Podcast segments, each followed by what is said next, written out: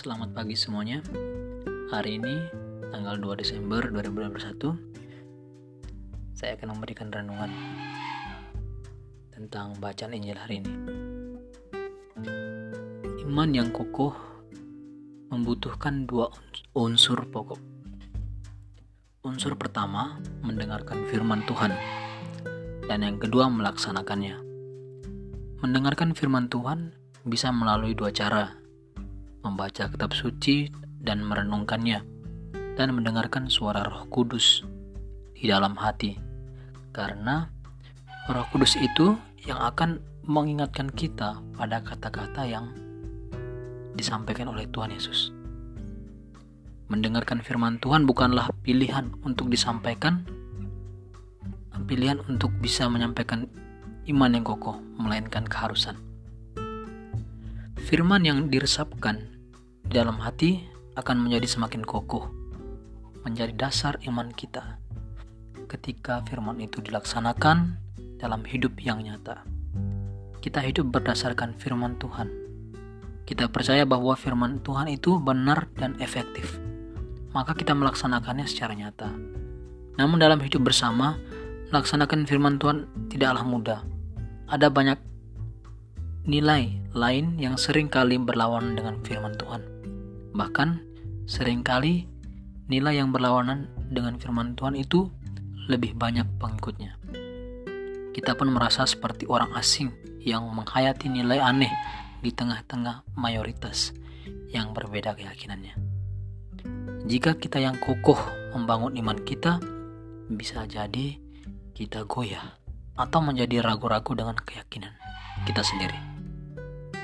Saudara dan saudariku yang terkasih, kita perlu berdoa mohon rahmat iman dan kasih yang benar kepada Allah agar tetap setia menjalankan kehendak Tuhan dalam hidup kita yang konkret.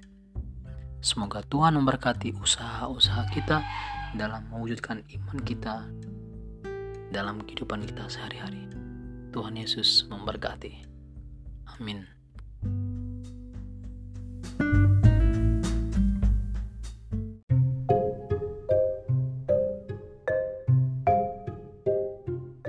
Halo, saudari dan saudara yang terkasih dalam Kristus. Selamat pagi, berkah dalam.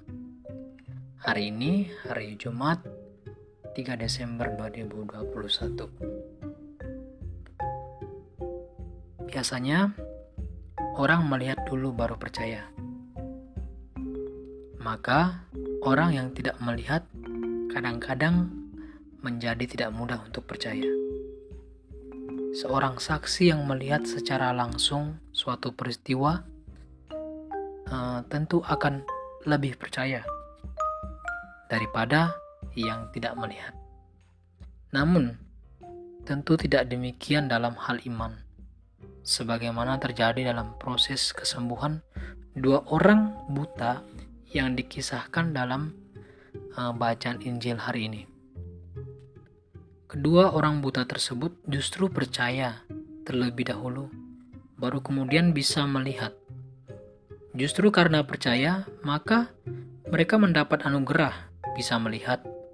Lebih jauh lagi, mereka mengalami sekaligus mengajari kita bahwa iman bukanlah buah dari keadaan baik atau sehat, tetapi Sebaliknya kesehatan dan keadaan baik adalah buah dari iman. Berkaitan dengan hal ini, Santo Hilarius mengatakan, kedua orang buta itu tidak dapat melihat Yesus, tetapi mereka berbicara tentang Dia dan memanggilnya sebagai anak Daud. Yesus menunjukkan kepada mereka bahwa iman tidak seharusnya diharapkan sebagai buah dari keadaan sehat. Tetapi justru sebaliknya, kesehatan itu boleh diharapkan sebagai buah dari iman. Orang buta itu akhirnya dapat melihat karena mereka percaya, bukan karena mereka memilih uh, melihat maka percaya. Saudari dan saudara yang terkasih, dari sini kita mengerti bahwa apa pun yang kita mohon harus didasarkan pada iman. Bukan sebaliknya, kita beriman karena sudah memperoleh apa yang kita mohon. Kalau dikaitkan dengan Santo Franciscus Saverius yang kita peringati hari ini, dapat disimpulkan bahwa keberhasilannya dalam menjalankan karya misi pertama-tama didasari oleh iman.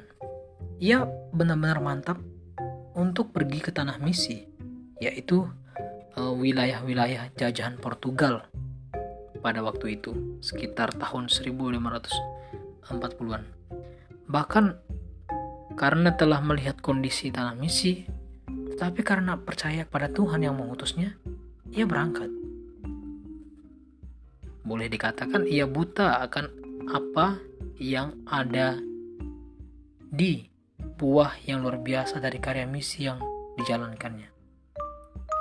Misalnya dalam sebuah suratnya kepada Ignatius pada tanggal 15 Januari 1544 ia mengatakan Lenganku sering terasa sangat letih dan sakit karena membaptis begitu banyak orang dan mengajari mereka kewajiban-kewajiban iman Kristiani dalam bahasa mereka. Kemudian pada akhir tahun berikutnya, ia mengabarkan lagi ke Roma bahwa ia sudah membaptis sekitar 10.000 orang dalam waktu yang dalam waktu satu bulan. Marilah kita mendalami sabda Tuhan hari ini dengan hidup kita. Tuhan memberkati. Amin.